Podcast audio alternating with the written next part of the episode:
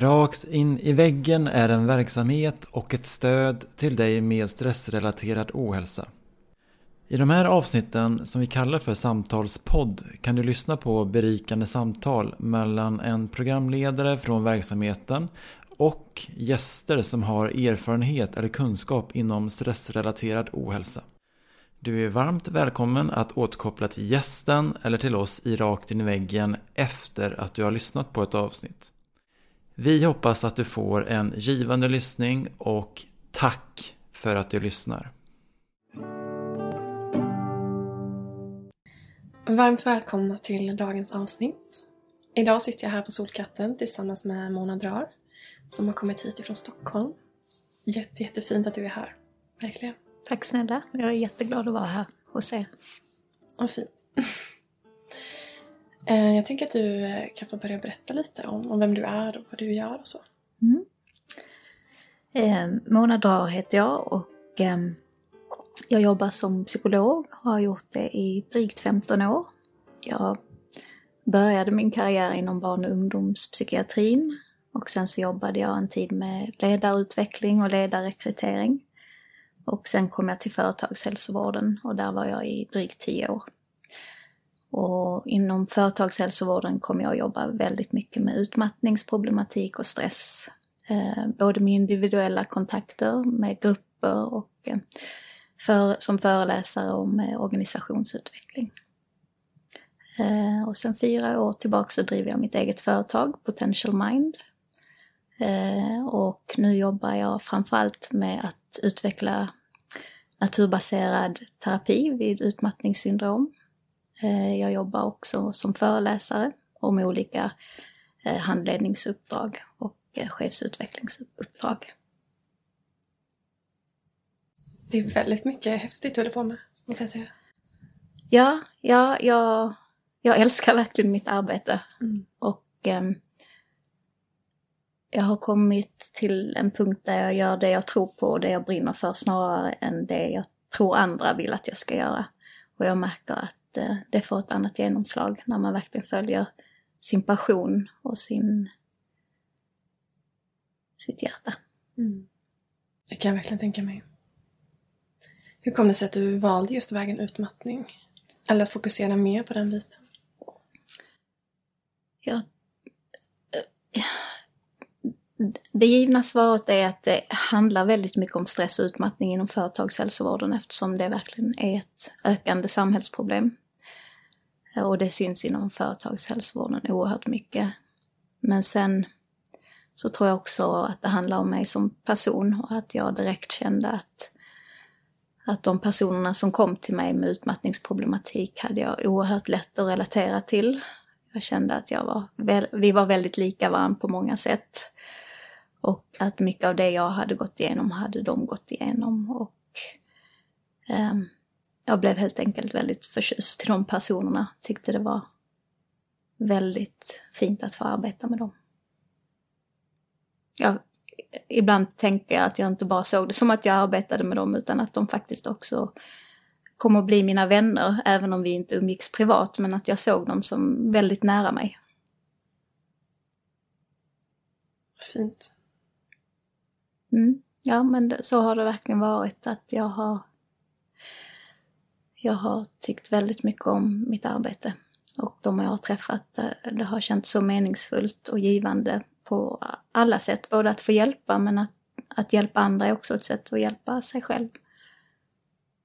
Och eh, först och främst tänker jag att vi alla är människor och när vi relaterar till varandra som medmänniskor på det planet så tror jag att något väldigt läkande sker. Mm. Ehm, då spelar det ingen roll vad det är för åldersskillnad eller vad man har för bakgrund och, och så, utan när man relaterar på det här djupmänskliga planet så, så öppnas något upp inom oss som, som är fantastiskt. Mm, det tror jag också på. Väldigt, väldigt starkt. Mm. Så det, det har varit en sån glädje för mig att gå till jobbet varje dag.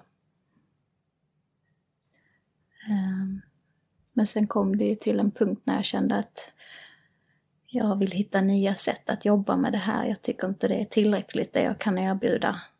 Ehm, inne på mitt kontor mitt inne i Stockholm city. Ehm, jag vill göra något, något nytt, något annat. Och då, var, då, då utbildade jag mig inom trädgårdsterapi och sen dess så har jag jobbat mycket med, med att få in naturen i behandlingsarbetet. Och idag jobbar jag enbart med naturbaserad terapi och jag jobbar enbart med, med grupper, inte individuella kontakter längre. Just det. Och hur kan det se ut? En sån behandling eller en sån, ett sånt upplägg liksom?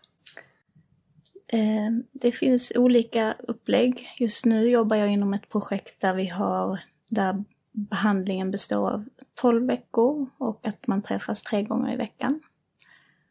Och då är det en arbetsterapeut, en fysioterapeut och jag som psykolog som arbetar tillsammans. Och vi är ute i naturen väldigt mycket. Sen har jag också haft andra upplägg där det har varit åtta veckor, att man träffas en gång i veckan. För de som kanske är lite mindre sjuka. Så det går att, att göra olika typer av upplägg. Men det jag tänker är viktigt är att, att ha med naturen som ett, ett stående inslag. Och också gruppen. Att, att känna gemenskapen. Eh, tänker jag är så oerhört viktigt. Det är, mm. så, det är så lätt när man är sjukskriven och, och är ensam hemma att man blir isolerad, att man liksom går ner i, i ensamheten, utanförskap och jobbiga känslor, skam och skuld kan det vara och att det är så oerhört viktigt att träffa andra så, som upplever någonting liknande. Att man känner igen sig och förstår att, att det finns en normalitet i det här också. Liksom jag är inte ensam. Det är oerhört välgörande. Mm.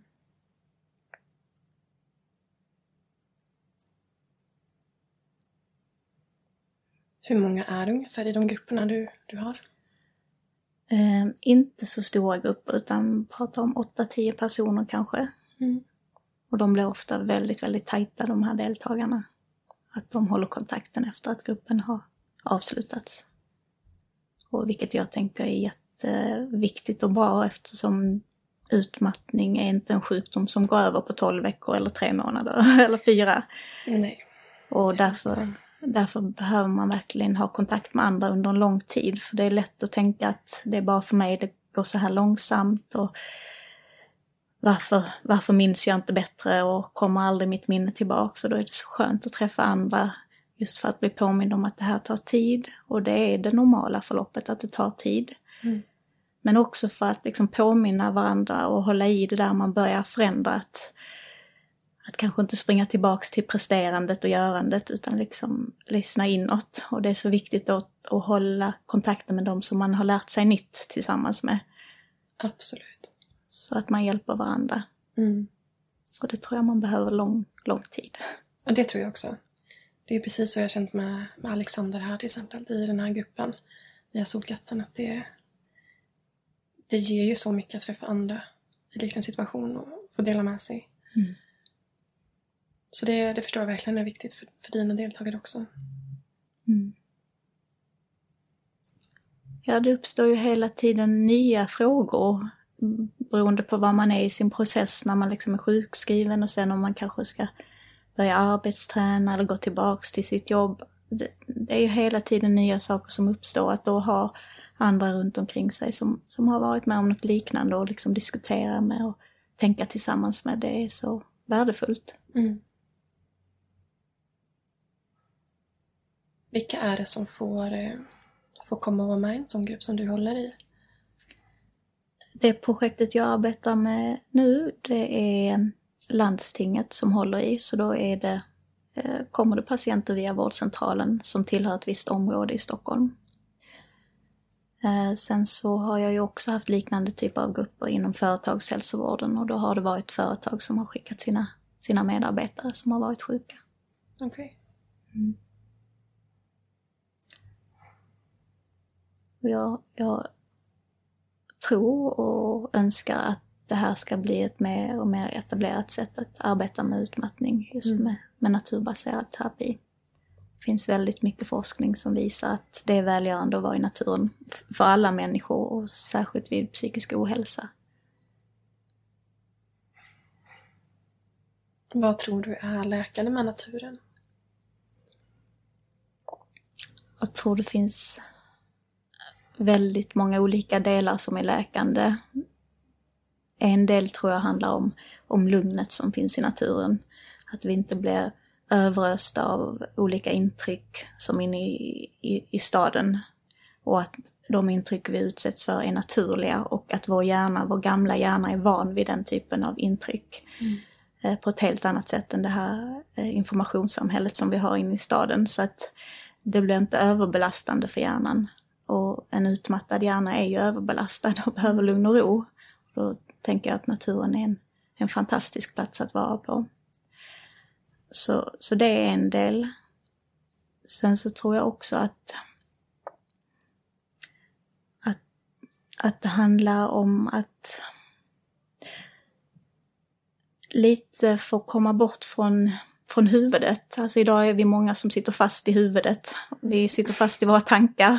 Vi sitter fast i tankarna på framtiden och det förflutna och har mer och mer svårt att vara här och nu. Och att vara här och nu är mer förknippat med välmående jämfört med att vara i framtiden eller i det förflutna. Som lätt kan skapa oro och ångest och, och nedstämdhet. Och i naturen så blir det lättare att komma ner från huvudet till kroppen. Eh, för det är så mycket dofter och lukter, det är färgerna, det är formerna. Vi, får en, vi blir liksom naturligt fascinerade i naturen och vi tittar på saker och lyssnar. Mm. Och, och då kommer vi lättare till våra sinnen. Och när vi är i våra sinnen har vi en, är vi ofta mer närvarande i nuet. Vi släpper lite mer det här, vad ska hända sen? Och, ja, just det. Så, så, det tror jag också är en viktig del. Mm. Och, och sen har jag också sett hos väldigt många av dem jag jobbar, jobbat med att naturen har ett sånt fint sätt att spegla det vi bär inom oss. Alltså att kanske om jag, om jag en dag känner mig ledsen och nedstämd så kanske jag ser saker i naturen som liksom som just fångar det stämningsläget så att jag lite kan komma till mina känslor genom naturen. Men att det inte blir på ett kanske överväldigande sätt för mycket utan att, men jag, att jag ändå får syn på mig själv i naturen. För att naturen speglar oss mm. på ett fantastiskt sätt. Och sen så en annan dag när jag kanske känner mig lite glad så ser jag annat i naturen. Då uppmärksammar jag något annat. Jag uppmärksammar de små fågelungarna ungarna och liksom blir glad av det så, så att jag kommer närmare min glädje.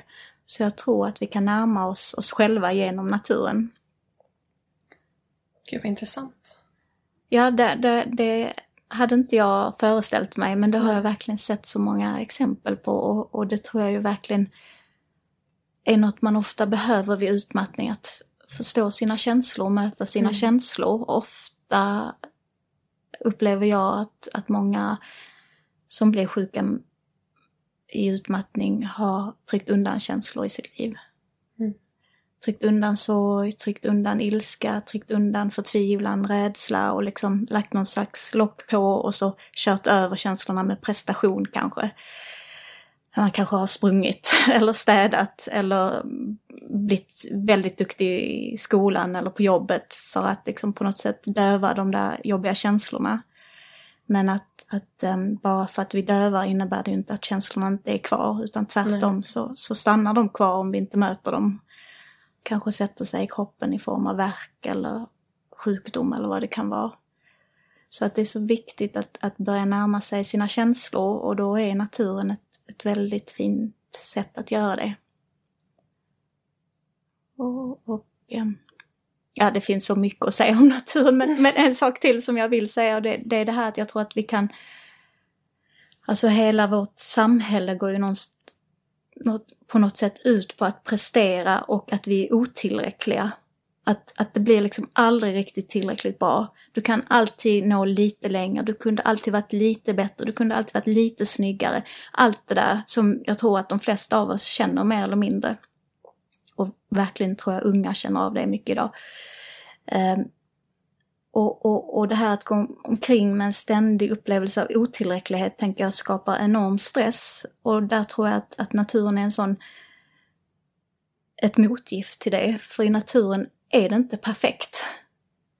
Det är liksom, e, ett, ett träd är aldrig perfekt. Det är lite asymmetriskt, det är kanske lite för tjock stam till kronan.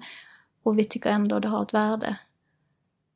Att, att vi kan liksom på något sätt närma oss det, det storslagna och det lilla, det liksom operfekta i naturen och kanske att vi på sikt kan hitta det förhållningssättet till oss själva. Att, att, att se det där det där fantastiska i att faktiskt inte vara helt perfekt.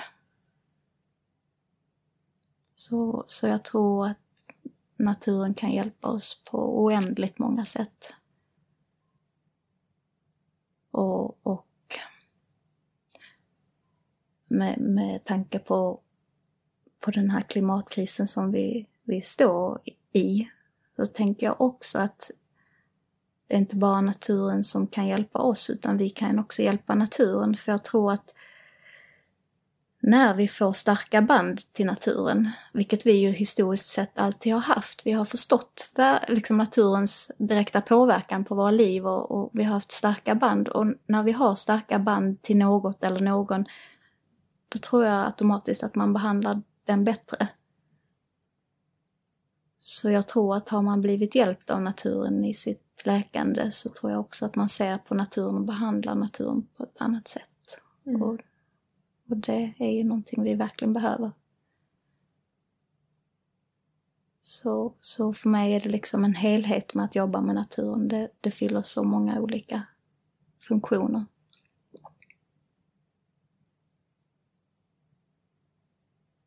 Ja, det är väldigt intressant att höra hur ni, eller hur du tänker kring naturen och så.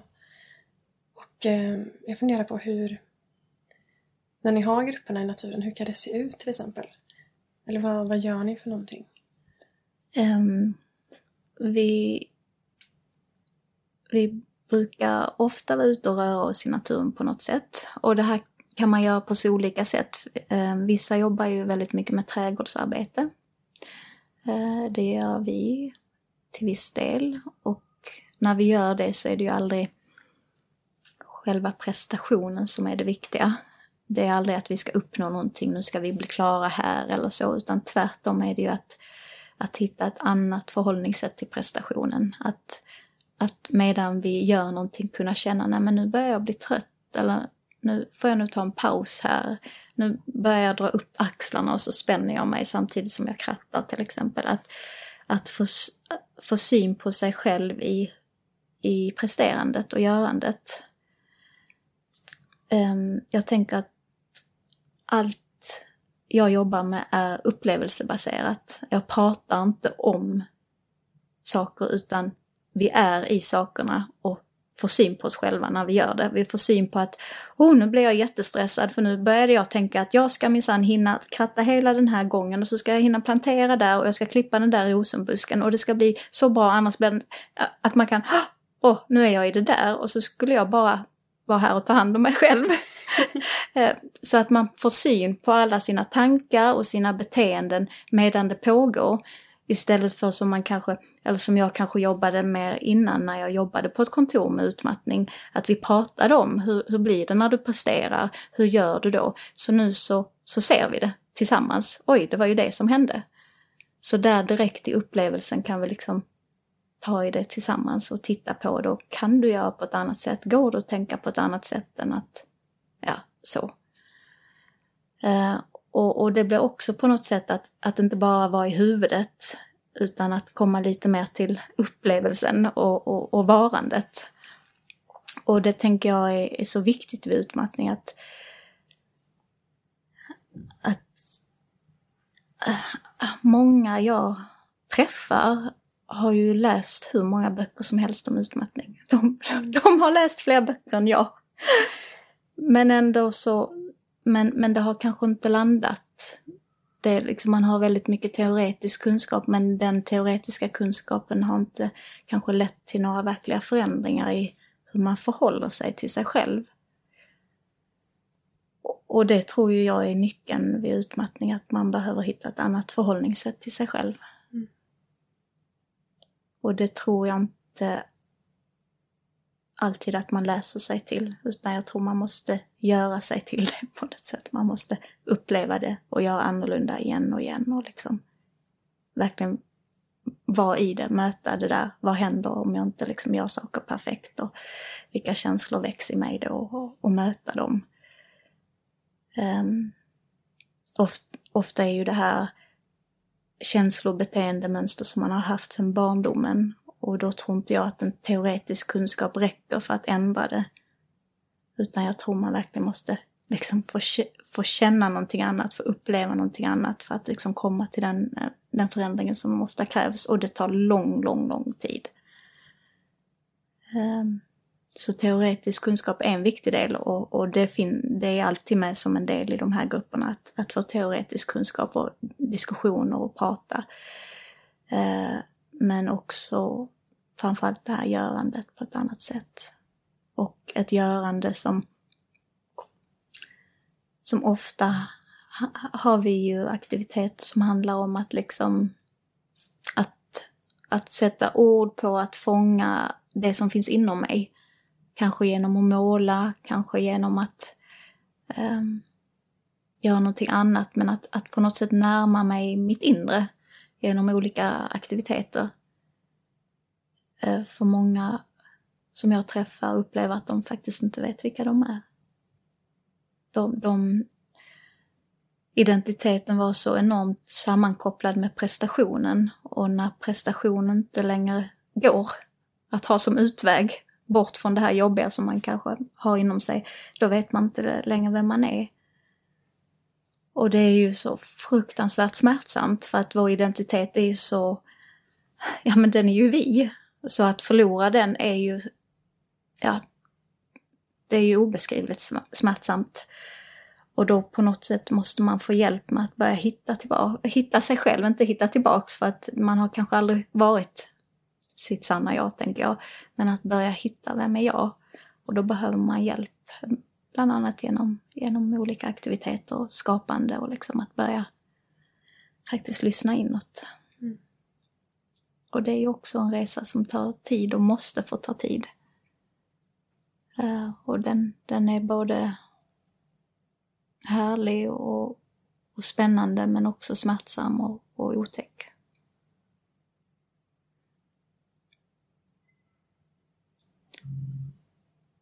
Men, men eh, som jag tror endas, enda vägen till ett, till ett djupt meningsfullt liv. Ett liv som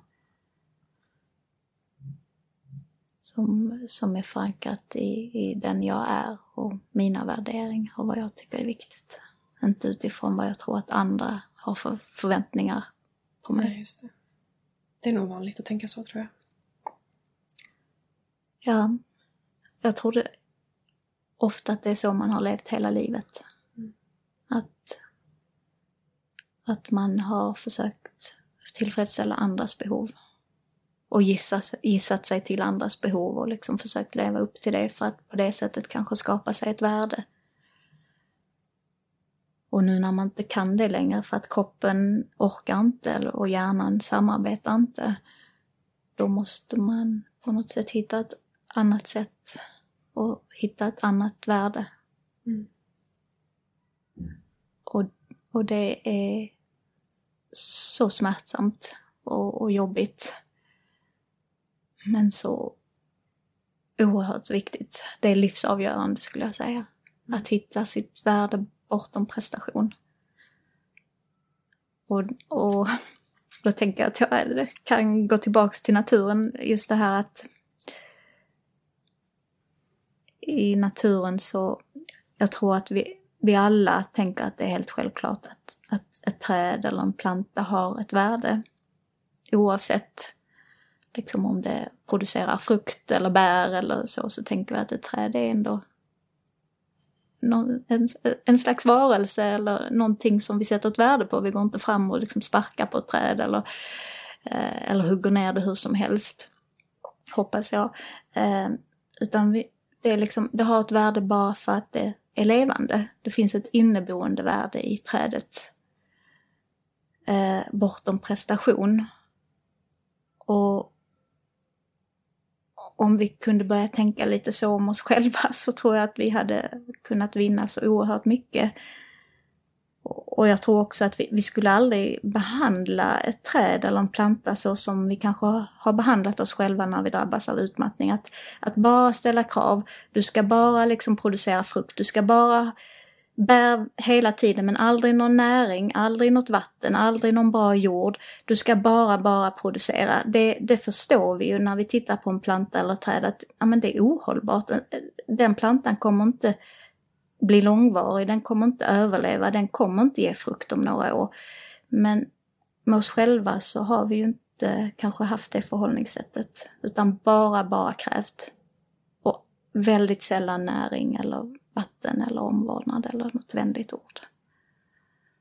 Så, så jag tror vi liksom kan lära oss något även där om, ja, vi, vi behandlar tror jag andra och inte minst naturen på ett annat sätt och, och vi kan bli påminda i naturen om att allt har ett värde. Även jag. Även när jag är sjuk och inte orkar göra någonting av det jag orkade tidigare så har jag ett värde. Bara bara för att jag är.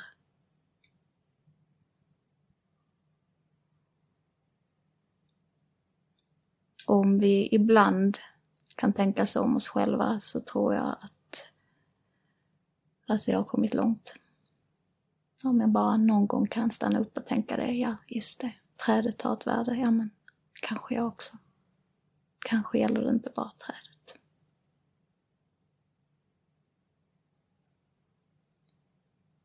Jag blir alldeles rörd faktiskt. Jag tycker det är en jättefin liknelse. Och jag känner igen mig väldigt mycket i det. Ja, men prestationsinriktade och... Nej Men det känns som att jag kan börja se mig själv på ett annat sätt om jag tänker så. Om jag tänker på det trädet eller den plantan. Att den finns och därför är den värd någonting. Ja, jättefint. Verkligen. Fint. Mm. Och, och um,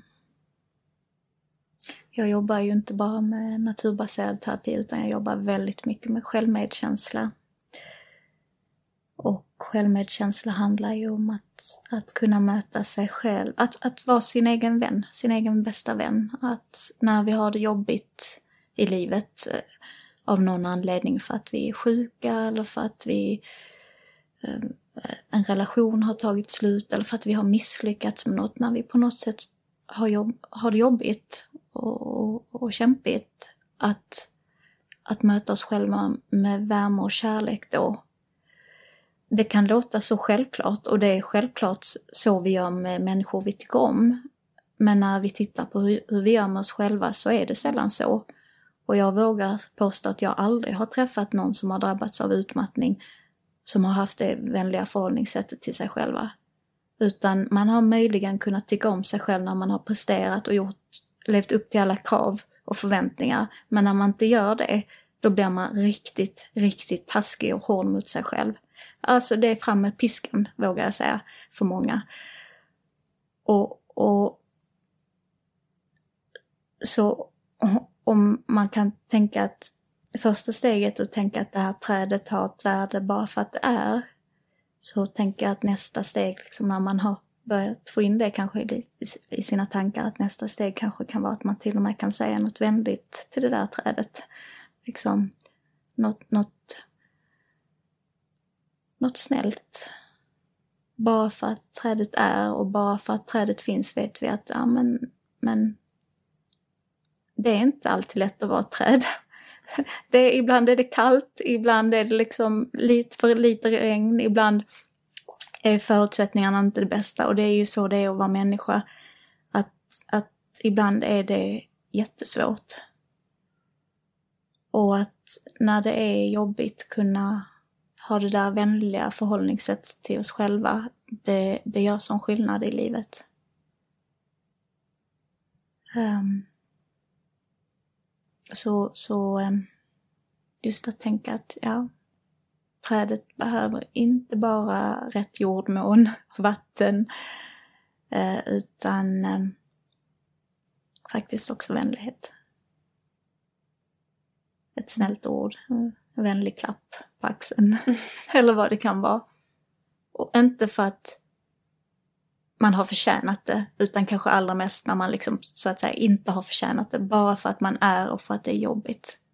Att det är då vi behöver vara som allra vänligast mot oss själva. När det bara känns så tufft att gå upp ur sängen eller vakna.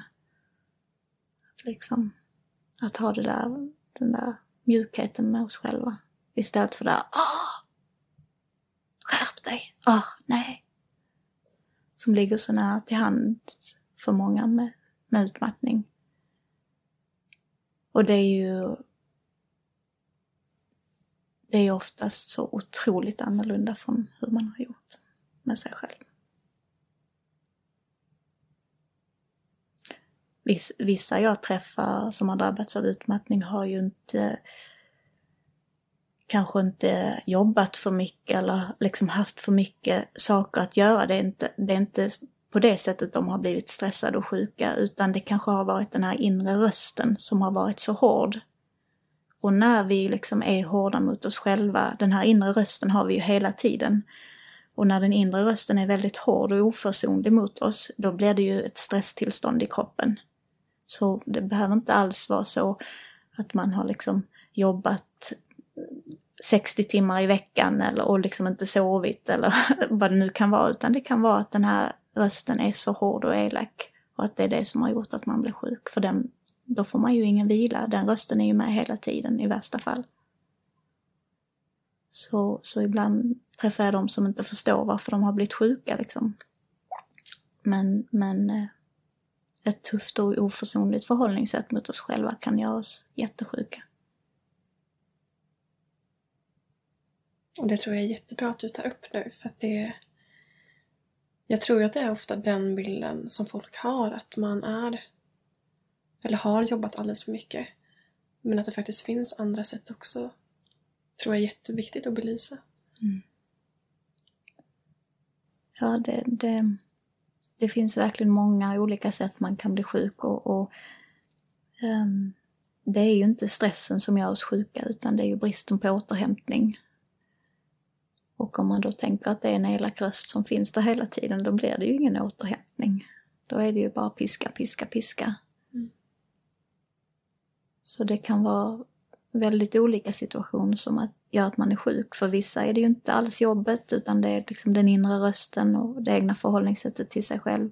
För vissa är det ju kanske att man har barn med särskilda behov och att man måste hela tiden slåss för deras rättigheter i skolan och överallt liksom. Att, att det blir en konstant stress, att man aldrig får vila och sen ska man jobba dessutom. Så att det finns så många olika anledningar till att man kan bli sjuk. Ehm, men där man just ser att, att utmattning är ju en underåterhämtningssjukdom. Alltså man har fått för lite återhämtning. Så kroppen är i ett konstant stress, eh, stresstillstånd.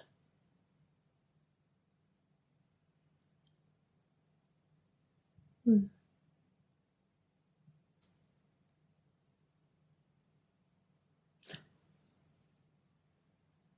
Och jag kan ju tänka, jag läste någon artikel som gjorde mig ledsen, någon som inte kunde förstå varför unga blev, blev utmattade. Jag kan förstå det väldigt väl.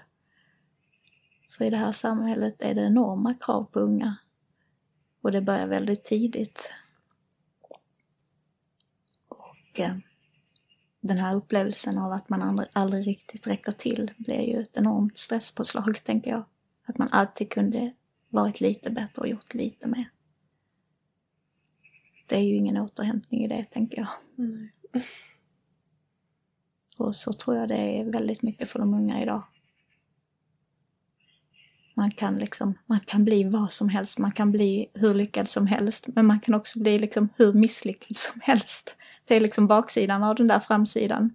Och att allt handlar om om jag gör rätt, liksom, om jag tar de rätta valen och besluten, om jag kämpar tillräckligt mycket, om jag gör det och det. Alltså det är ju ett individualistiskt samhälle vi lever i. Och det, det, det kan kännas ganska bra så länge som det går bra. Men när det inte går bra, då kommer baksidorna av det samhället för då blir vi väldigt ensamma och ofta väldigt benägna att, att skuldbelägga oss själva. Att det var jag som inte gjorde tillräckligt, det var mig det var fel på. Så ehm,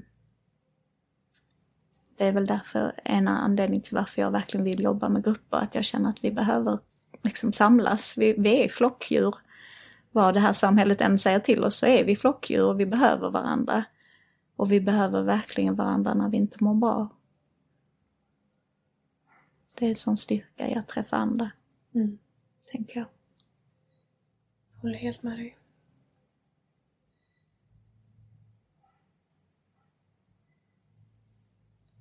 De personerna som du har träffat med utmattning, kan du se att det är vanligt med samsjuklighet på något sätt?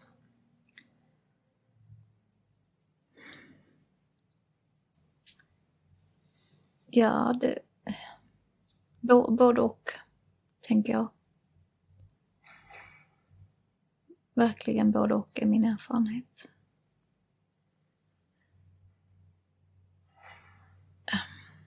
Något jag kanske mer och mer har börjat uppmärksamma ju djupare jag har kommit att jobba med, med mina deltagare, det är att jag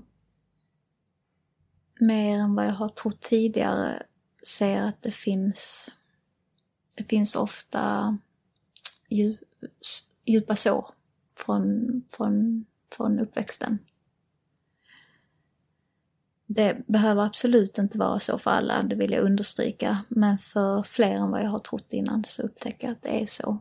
Och vissa, vissa är väl medvetna om sina sår och vissa är det inte. Vissa har kanske, alltså jag brukar prata om det stora och lilla T.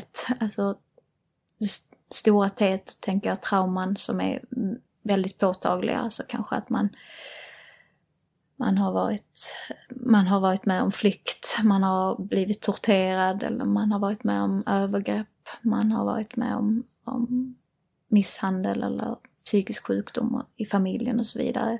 Sen finns det också små ten som liksom inte är så att tydliga trauman kanske, men som, som, som verkligen också sätter spår.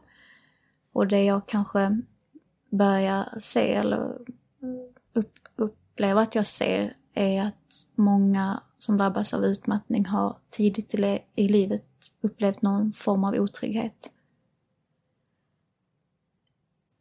På något sätt.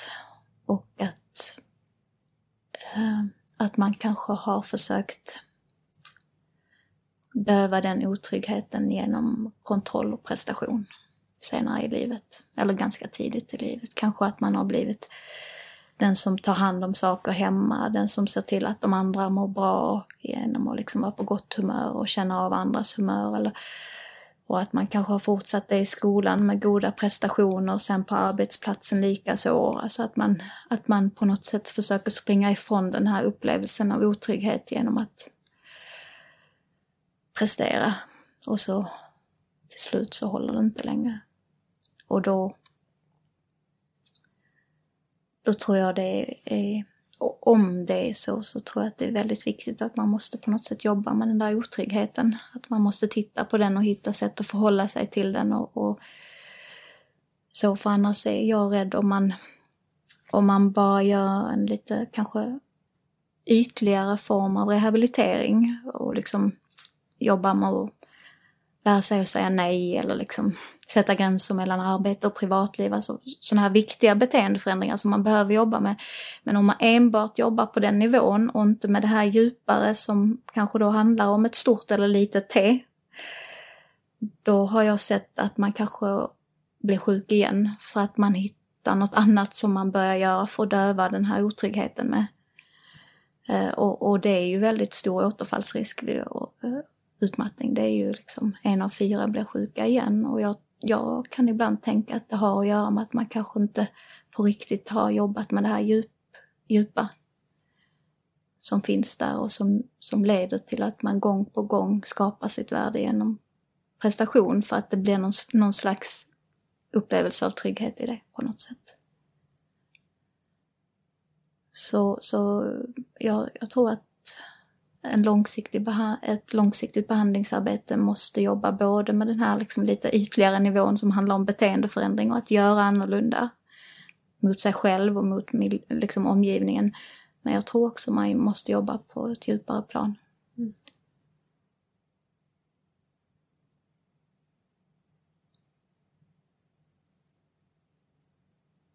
Ja, det, det tror jag också, verkligen.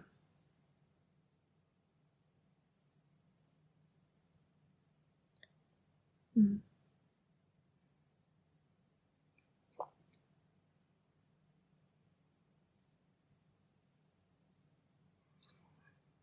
Och då måste, då måste man tänka att ett sånt arbete tar tid.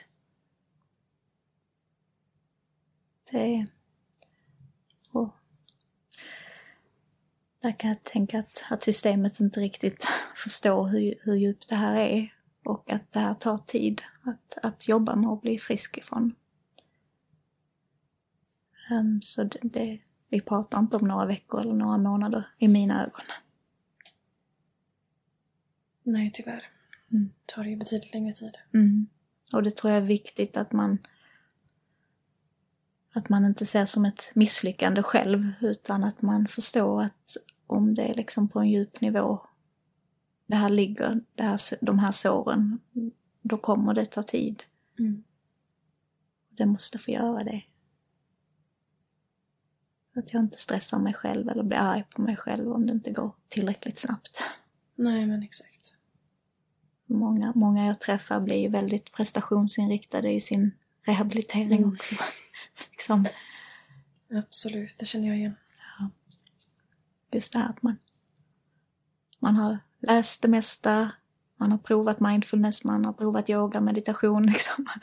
Man vill bocka av lite mer på listan men att, att det är ju precis det här man behöver hitta ett annat förhållningssätt till. Mm. Att, att saker får ta tid och att, att inte bara styra med intellektet och hjärnan och liksom viljan, hjärnviljan som ofta är så stark. Liksom, jo men jag ska dit, jag ska bli frisk nu. Jag ger mig själv tre månader, sen minsann har jag vilat klart. Och liksom med det förhållningssättet har man inte förändrat någonting alls, tänker jag. Man har bara flyttat prestationen från kanske jobbet eller vad det nu var till att bli frisk snabbt. Mm. Så man fortsätter med precis samma oförsonliga förhållningssätt till sig själv som är att köra över kroppen och liksom behoven. Så, så, ehm, och det där behöver man ofta väldigt mycket hjälp med i början, tänker jag, att se det där hur man gör mot sig själv.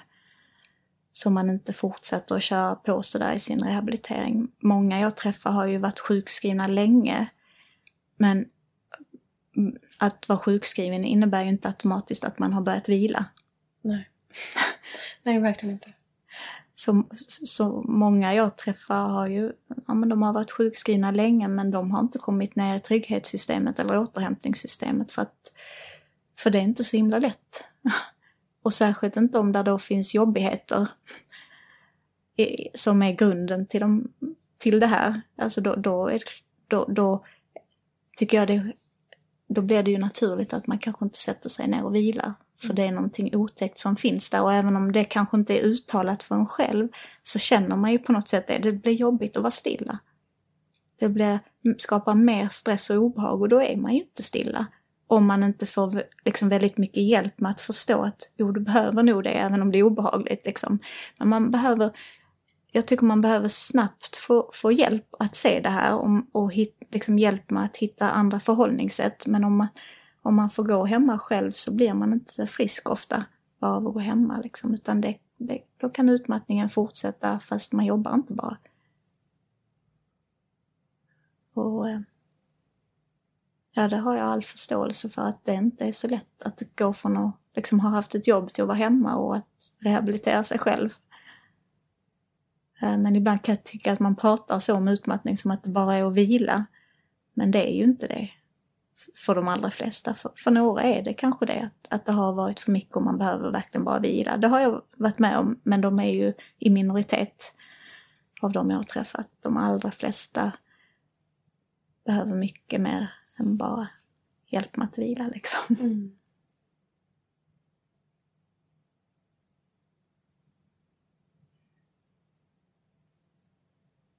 Ja, jag känner igen mig otroligt mycket i det du säger.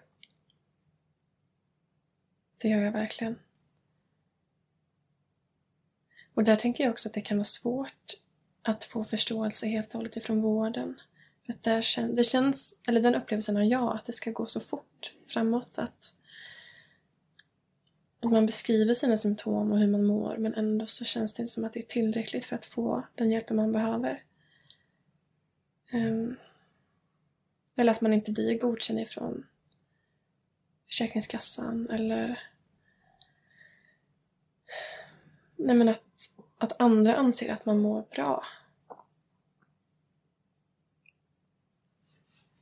Ja, jag, jag känner tyvärr igen det du beskriver.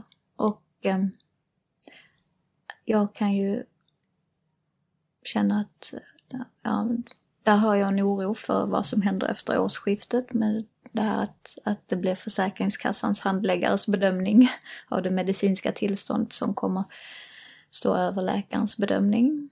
Eh, det gör mig orolig för hur det ska gå för väldigt många människor. Eh, men jag känner också igen det du beskriver att i vården kan jag tycka att det finns eh, väldigt ojämna kunskaper kring den här sjukdomen. Det finns de inom vården som har väldigt god kunskap och förstår det här. Och så finns det också väldigt mycket okunskap och oförståelse. Och det, för de jag träffar blir det ofta ett lotteri vem man hamnar hos. Och det upplever jag är oerhört rättsosäkert. Du kan hamna hos någon som har en djup förståelse och du kan lika lätt hamna hos någon som inte har det.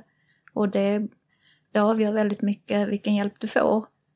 Och om du får din sjukskrivning godkänd eller inte.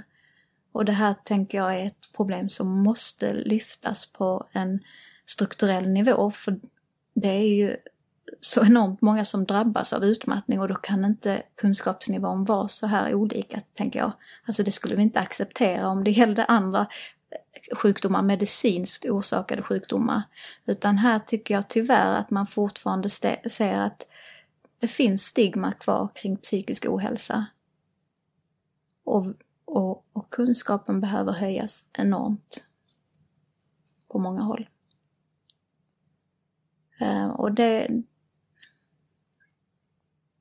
ja, det känner jag är ett väldigt angeläget eh, väldigt angeläget att det sker snabbt. Och att man att fler får en djupare förstå förståelse för komplexiteten som ofta döljer sig bakom utmattning. I mina ögon är det så mycket mer än bara en stresssjukdom eller underåterhämtningssjukdom. Det är, det är symptomen på något djupare som jag ser det. Och det här djupare måste vi börja prata lite mer om tycker jag. Eller mycket mer om. Vi behöver börja se det.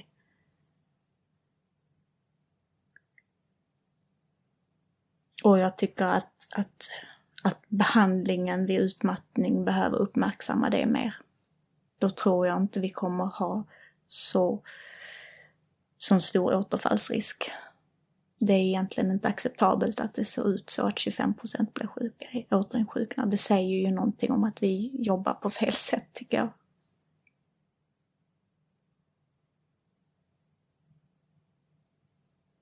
Så, så eh,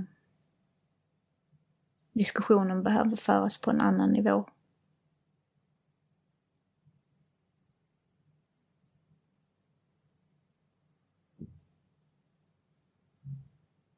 Tänker den behandlingen och terapi du utför med dina patienter eller klienter eller så. Um,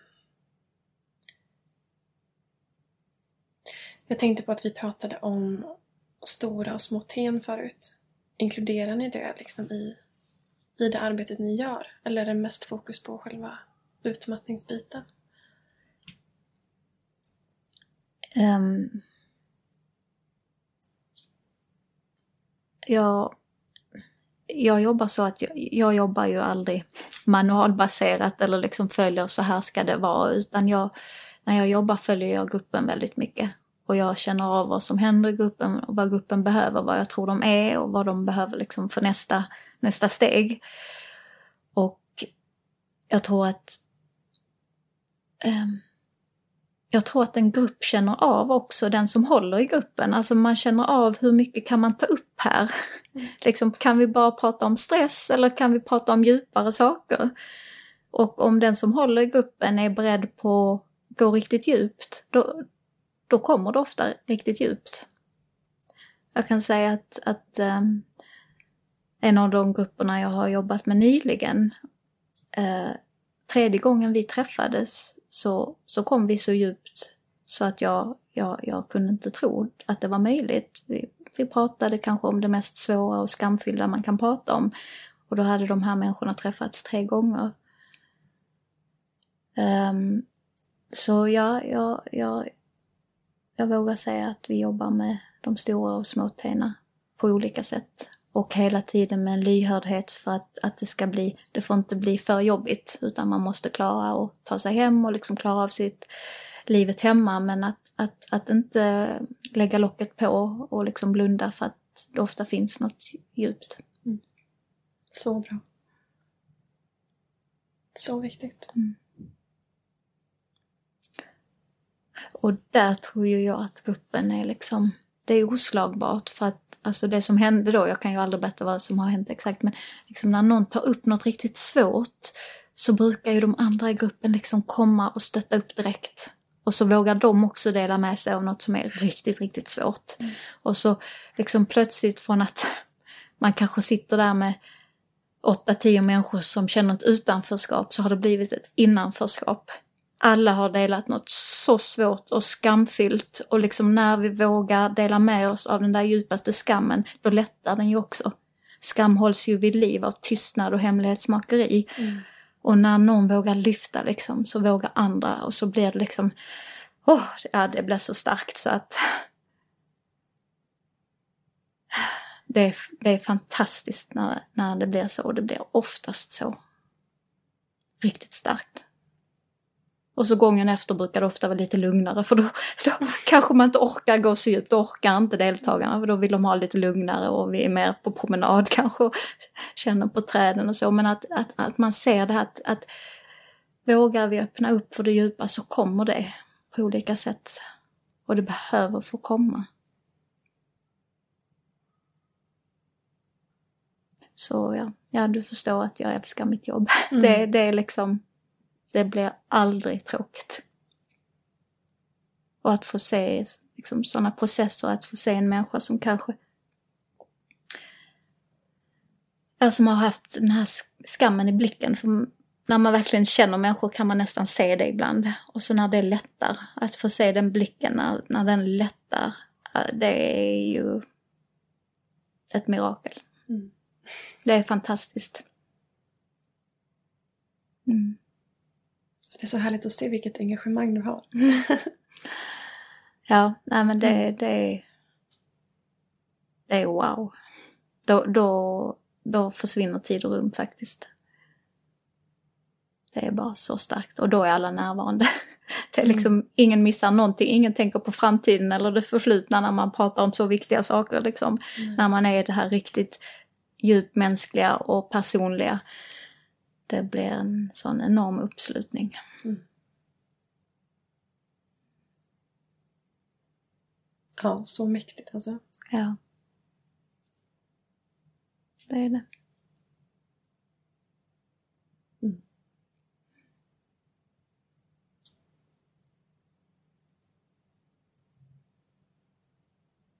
Ja, det är ju återigen helt fantastiskt hur hur mycket du gör egentligen för den här patientgruppen. Tycker jag. Att du har jobbat på så många olika sätt och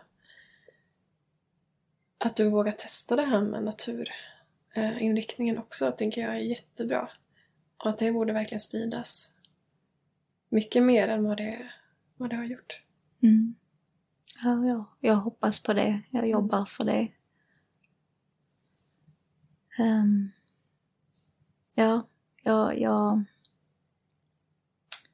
jag brinner för den här patientgruppen och jag tycker de på något sätt behöver någon slags upprättelse. Alltså jag, jag, jag Ja, jag tycker som sagt att komplexiteten bakom utmattning ofta inte kommer fram, att vi inte pratar om den tillräckligt. Mm.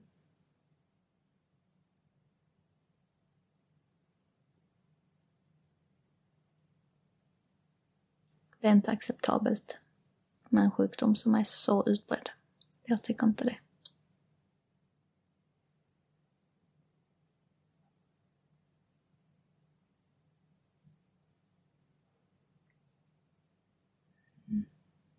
Ja, du är rätt person på rätt plats. Helt klart. Tack. Och nu känns det här verkligen som rätt plats att vara på hos er. Vad fint. Mm.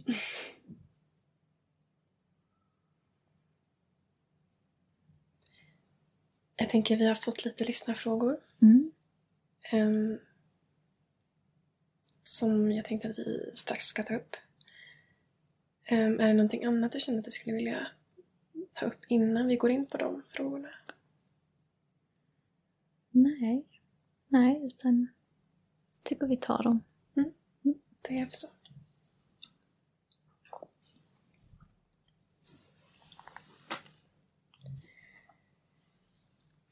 Ska vi se.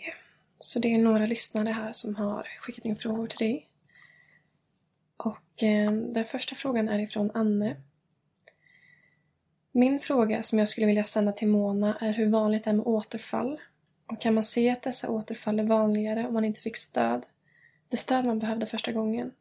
Eller handlar det helt enkelt om personen i fråga? Och, och ehm, tänker jag att som sagt återfallsrisken är en av fyra återinsjuknar. Eh, och det, det, det finns det statistik på. Det andra finns det inte statistik på utan nu svarar jag utifrån min erfarenhet. Och där tänker jag att jag tror, jag tror det spelar stor roll vad man har fått för stöd ehm, under sin rehabilitering. Eh, och jag tror att det också spelar stor roll hur livssituationen ser ut. Eh, vissa har ju stressorer i familjen, alltså som vi har varit inne på att man kanske har barn med särskilda behov. Eller det kan vara något annat som är krävande i livssituationen. Och om den livssituationen ser likadan ut så tänker jag att då är det svårare att få till återhämtning och, och då ökar risken att, att återinsjukna. Eh, samma sak om man går tillbaks till ett arbete eh, som, där det kanske finns många riskfaktorer. Om de riskfaktorerna inte förändras utan man går tillbaks till precis samma arbetssituation finns det också en ökad risk att man blir sjuk igen. Så, eh, så, så, så det spelar in, tänker jag. Det man det jag då tänker spela in med rehabiliteringen, det rehabiliteringen kan påverka är ju förhållningssättet mot sig själv. Rehabiliteringen kan ju aldrig jobba med hur arbetet ser ut eller hur din familjesituation ser ut eller vad det nu kan vara. Rehabiliteringen kan jobba med ditt förhållningssätt mot dig själv och där, där är jag övertygad om att har du fått en riktigt god rehabilitering, en tillräckligt omfattande rehabilitering, så har du bättre möjlighet att, att stå att klara av de här andra stressorerna. Men givetvis påverkar det hur din, hur din omgivning ser ut och vad du, går till, vad, du, vad du befinner dig i för sammanhang. Det spelar stor roll. Tack. Sen har vi två frågor ifrån Ida. Den första är, den synvinkel jag skulle vilja höra mer om är hur jag kan agera när jag ser att en familjemedlem är på väg in i väggen. Mm.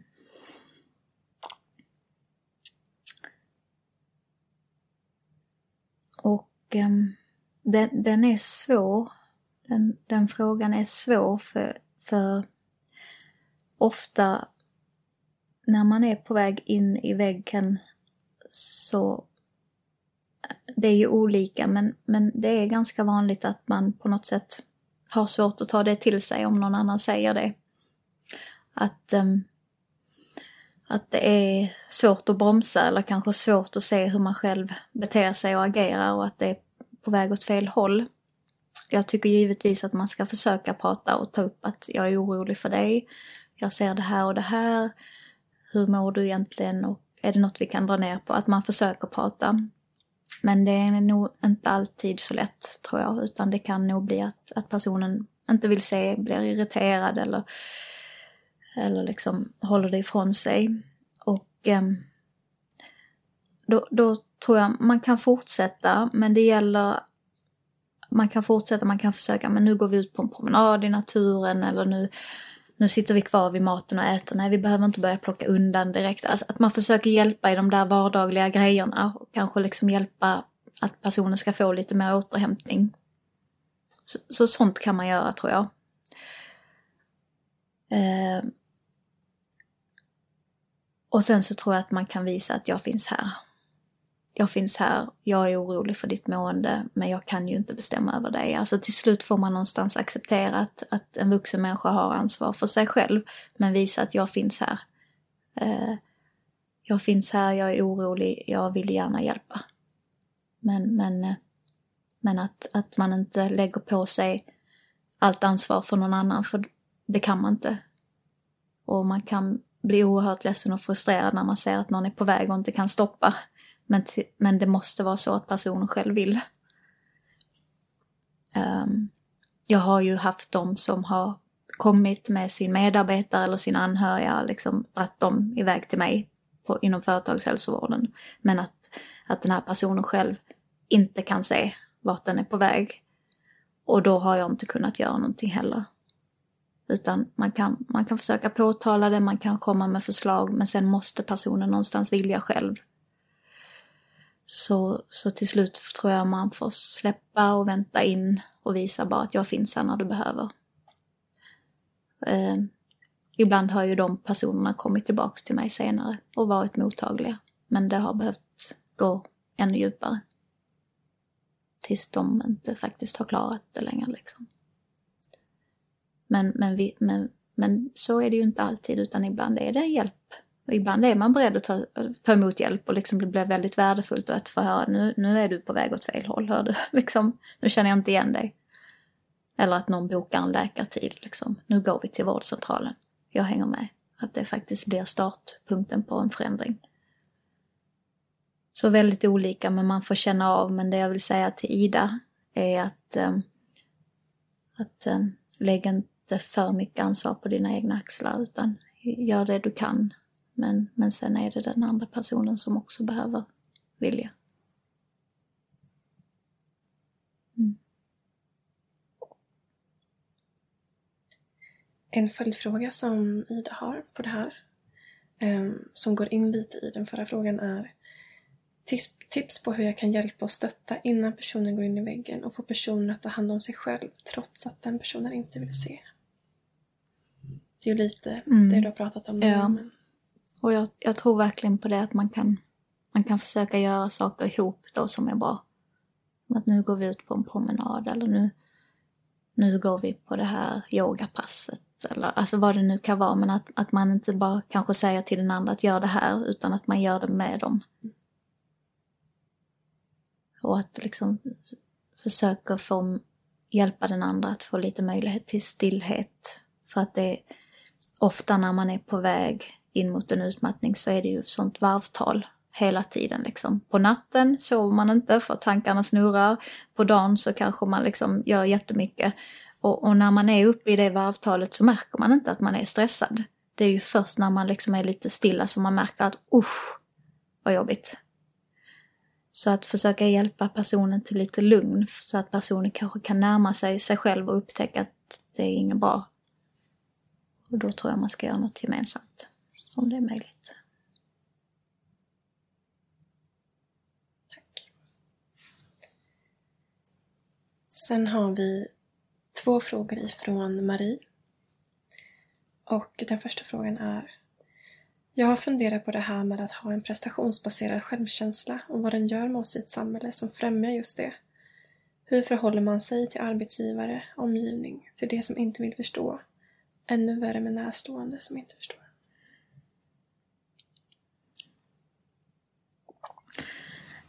Och det var kanske två delar i den frågan. Dels med det här med prestationsbaserad självkänsla och hur man gör med närstående och arbetsgivare som inte vill förstå. Eller jag delar upp den i två Mm. på det sättet.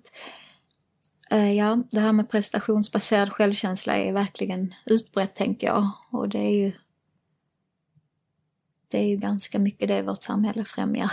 På något sätt att, att vårt värde kommer ur prestationen och att, att leverera någonting. Att värdet inte är där ovillkorligt. Som med trädet. Och då tror jag att jag går tillbaka till trädet och tänker att motgiftet till äh, motgiftet eller motvikten till en prestationsbaserad självkänsla tror jag handlar både om jag tänker på trädets rötter, för nu ser jag det här trädet framför mig. Jag tänker på trädets rötter och för mig är trädets rötter våra värderingar. Vad, vad tycker jag verkligen är viktigt i livet? Vad är det jag vill liksom stå för i mitt liv? Vad vill jag manifestera genom mitt liv? Att gå, gå till den grunden istället för liksom jag tänker mig att prestationen är trädets grenar eller, eller blad. Men att jag måste djupare ner och tänka liksom, he, liksom min existens. Vad är det jag grundar den i?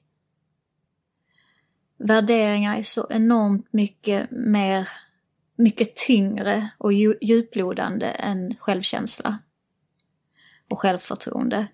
Och om, om vi verkligen har kontakt med våra värderingar då står vi ganska stadigt. Det här trädet som har verkligen ett, ett djupt och stort rotsystem kommer klara mycket mer storm och oväder än ett träd med, med väldigt litet rotsystem. Så jag tror att vi behöver liksom komma i kontakt med våra värderingar. Och det är kanske inget vårt, fram, eh, vårt samhälle främjar direkt. Vi pratar väldigt mycket om mål. Och mål är någonting vi bockar av. Vi lever upp till ett mål eller liksom vi uppnår ett mål, sen ska vi till nästa mål. Värderingar är ju aldrig någonting vi liksom kan bocka av. Oh, nu är jag klar med, med vänlighet eller nu är jag klar med medkänsla. Liksom bockar jag av det och vad ska jag lägga till härnäst? Nej, utan värderingar är något vi hela tiden strävar mot, liksom en riktning i livet. Något som hjälper oss och, och liksom när det är mörkt, att på något sätt hitta ett ljus eller någon, liksom, att på något sätt hitta en riktning att gå mot när det, när det stormar. Um, det är det jag tror att vi behöver utveckla på något sätt och det kan man göra på väldigt olika sätt. Uh, men jag tror det är det vi ska sträva efter. Och jag tror att en, en människa som är i kontakt med sina värderingar och som, som i vardagen försöker att, att på det sätt som det är möjligt manifestera sina värderingar tror jag också upplever en, en, en, eh, en känsla av mening och sammanhang. Vilket vi ju vet, det är det väldigt forskat på, är, är väldigt bra för vår hälsa. Att ha den kopplingen. Att liksom att mitt liv på något sätt är större än bara mig själv här och nu. Att, att det finns någon annan koppling, att jag hör hemma, att jag är en del av ett sammanhang. Och då tror jag vi ska satsa på våra rötter och våra värderingar. Och att hitta vårt sätt liksom att, att hitta till dem. Så det var den första eh, delen. Och, och, och vill jag lägga till till Marie också det här med självmedkänsla. Det är också på något sätt ett motgift till det prestationsbaserade, den prestationsbaserade självkänslan. Det här med att att kunna möta sig själv med vänlighet och kärlek. Även när det inte går bra. När vi inte uppnår det där vi ville. När vi inte är allt det där vi önskar att vi var. När någon säger något smartare eller vi känner oss dumma eller när vi känner oss ledsna eller utanför. Att, att just den här vänligheten med oss själva. Det är ju på något sätt en antites till prestationsbaserad självkänsla. För prestationsbaserad självkänsla är totalt villkorad. Du har bara ditt egenvärde om du presterar och lever upp till de här förväntningarna, annars är du ingenting. Och självmedkänsla är den raka motsatsen. Precis där, där du känner att du inte är någonting, då kommer självmedkänslan in. Du är alltid värd värme och kärlek. Du kan alltid ge det till dig själv. Så, så värderingar och självmedkänsla blir svaret där till Marie. Och den andra delen av frågan är det här med hur man ska förhålla sig till en omgivning och, en, och arbetsgivare som inte är förstående. Det är en jättestor fråga och men det som dyker upp i mig det är det här att många jag träffar och jobbar med de har faktiskt ingen förståelse själv riktigt för sig själva. Att de Ja, vissa dagar när, när sjukdomen är liksom som värst och mest påtaglig, då, då vet de att de är sjuka. Då tar de sig själv på allvar. De kan kanske inte komma upp ur sängen eller det är liksom, det går inte att åka till ICA Maxi och handla eller, eller Ikea eller vad det nu kan vara. Det går inte att bjuda hem grannbarnen på middag.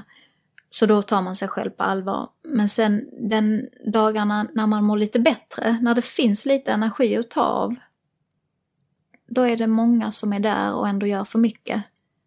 Och det tycker jag är helt naturligt. Det handlar ju om det här med identiteten igen. För jag är ju en person som liksom bjuder hem grannbarnen och det ska inte vara färdig mat utan det ska vara något bra eller vad det nu kan vara. Men det gör ju att det blir väldigt mycket kamp i den här sjukdomen som jag upplever. Att, att ibland tar man sig själv på allvar och lyssnar på sina behov och ibland kör man över dem. När det är lite bättre känner man sig kanske som en bluff. Jag kunde ändå ha jobbat eller så. Och så gasar man på. Så det blir väldigt ryckigt fram och tillbaks. Liksom, är jag sjuk? Nej, jag är inte sjuk. Eh, och att man drar i sig själv. Och det blir ju att kroppen är lite hela tiden i det här stresssystemet. Den får aldrig riktigt lugn och ro. Och det, att jag tar upp kampen Eh, är för att jag också tänker att när, när, när vi är så här ojämna, att man ena dagen ligger i sängen och vilar och tar sig själv på allvar och förstår att man är sjuk och nästa dag kanske åker till Ikea för att och, och köpa något nytt till hemmet. Det blir väldigt svårt för omgivningen att förstå. Men oj, vilket, hur är det idag? Att det blir så här ryckigt. Och eftersom det här är en sjukdom som inte syns på dig så är det så väldigt lätt för andra att glömma. Och även för dig själv kanske, men, men för andra. Så det här att det då också blir ryckigt och ena dagen är liksom väldigt trött och sen, sen orkar personen mycket och sen är det kanske tre dagar i sängen för att man har gjort så mycket. Den här ryckigheten gör att omgivningen får svårt att förstå. Så jag tror ju att nyckeln är att själv börja förstå sig själv och ta sin sjukdom på allvar när man tar sin sjukdom på allvar alla dagar, även dagarna när du har lite energi, att du inte får det här, ja men då kan jag passa på. Då är det lika bra att jag också gör det. Liksom, nej, nej men minsann, jag har, det är nu jag ska se till att njuta lite av att jag mår lite bättre och har lite mer energi. Jag är ingen bluff alls, utan nu ska jag liksom ha en lite skön dag. Jag ska inte göra av med all den här energin. Utan nu tar jag hand om mig själv extra. Jag kanske sätter mig i solen på, på balkongen och liksom tar en god kopp te och bara njuter. Det är att ta hand om mig själv den, den dagen, inte att göra av med den energin och passa på. Och om jag på riktigt börjar ha det här förhållningssättet till mig själv, att jag tar mig själv på allvar, mina behov på allvar alla dagar, då tror jag också att omgivningen kommer bli mer förstående. För att de kommer liksom märka mer att jaha, nej men Mona är ju verkligen förändrad, hon gör annorlunda hela tiden. Men om det är det här fram och tillbaks så, så tror jag det är svårt att förstå. Sen givetvis är inte hela sanningen där utan jag vet att det finns de som har som har eh, släkt eller arbetsgivare som faktiskt är väldigt oförstående fast de får information. Och då tror jag bara att man får ta hand om sig själv så mycket man kan och på sikt kanske söka en ny arbetsgivare tror jag då. Eh, vissa kan man inte ändra. Men jag tror att, att mer än vad man tror kan man ändra genom att, att titta på hur gör jag med mig själv. Tar jag mig själv på allvar alla dagar? Vilka kloka ord. Väldigt inspirerande för mig med att höra.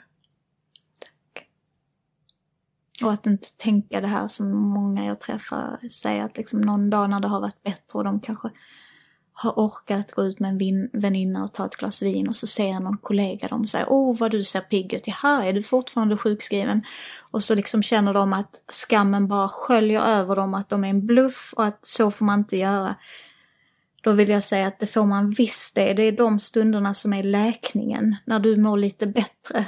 Och att du ska få njuta av den stunden. Det är inte att vara en bluff, utan det sker viktig läkning där. Så att inte det är så lätt att tänka att är man sjukskriven ska man minsann må dåligt hela tiden. Och man ska aldrig få unna sig någonting. Men så är det inte alls. Det finns inget mer läkande och välgörande än att ha en bra stund. Så var tacksam och, och tillåt dig att njuta när du har den. För du vet allt för väl att det är många andra stunder som är hemska. Så när du har en ljus stund, tillåt dig att njuta. Du är världen och det är läkning.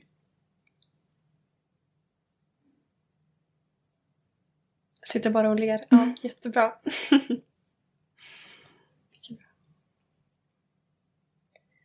Sen den sista frågan som vi har fått in är också ifrån Marie. Och hon undrar hur man kan få gruppterapi inom vården. Ja, och det, där är det ju igen att det ser så olika ut i landet. Um, så att det är, det är väldigt olika vad man får för erbjudande. Um, jag, som jag har nämnt tidigare, tycker inte jag att detta är okej. Okay. Jag tycker att i samma land behöver vi alla få samma möjligheter och uh, så ser det inte ut. Så jag kan inte svara annorlunda. Än, jag kan inte säga mer än så. Det är väldigt ojämlikt. Och det är inte okej. Okay. Mm. Jag tänker till exempel på den terapin du har ute i naturen.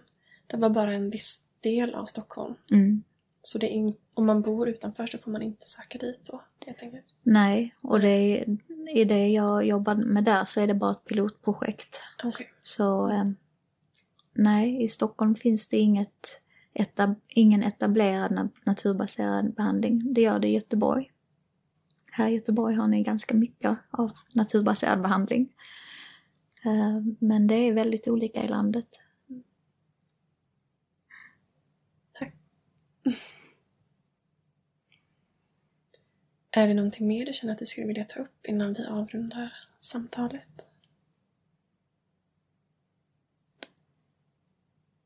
Jag kan väl nämna då att jag har skrivit en bok. Och att jag hoppas att den kommer ut snart. Och det är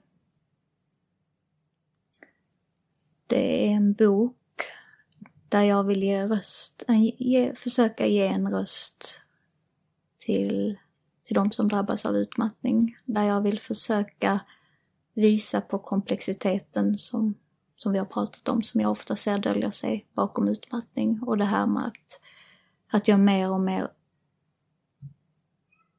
upptäcker att det finns, ofta finns djupa sår vid utmattning från, från tidigt i livet. Och det, det är det jag tar upp i den här boken. Och i boken så, så visar jag också på naturens läkande kraft och på vikten av självmedkänsla och att hitta ett annat förhållningssätt till sig själv i utmattning för att kunna bli frisk, på, hållbart frisk. Så att jag nämner boken är för att jag ser att det är mitt bidrag. Det, jag ser det som mitt stora bidrag till, till den här patientgruppen. Och jag hoppas att den ska kunna bidra till att diskussionen breddas och fördjupas. Det hoppas jag med, verkligen. Och fint att du gör det också. Det, det är stort, tycker jag. Ja, jag känner att, att jag saknar en, en bok som kombinerar eh, rösten hos de som drabbas med kunskapen om sjukdomen. Eh, att de två perspektiven behöver gå, gå ihop, tänker jag. Det är många, många utmattade som skriver böcker när de har blivit lite bättre. Och det är också många eh, många psykologer och läkare som har skrivit böcker, men jag tror att vi måste förena perspektiven, både behandlarperspektivet och, och av den som har drabbats. Så att, så att, så att vi hittar kraftfulla behandlingsformer och så att vi får en fördjupad kunskap kring den här komplexa sjukdomen. Som, som jag ser som inte bara en stresssjukdom utan jag ser det ju väldigt mycket som en existentiell sjukdom som, som speglar vår tid och vår samhällsanda, just det här otillräcklighetssamhället. Vem, vem är jag om jag inte kan skapa mitt värde genom prestation och perfektion? Så jag tror vi behöver liksom lyfta blicken och prata om det existentiella som ofta finns i den här sjukdomen. Mm. Och det hoppas jag göra i min bok. Det känns så, tycker jag.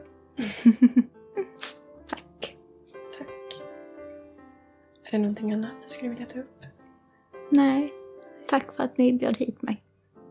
Tusen tack för att du kom hit. Otroligt givande att lyssna på dig och få höra allt du delar med dig av. Tack.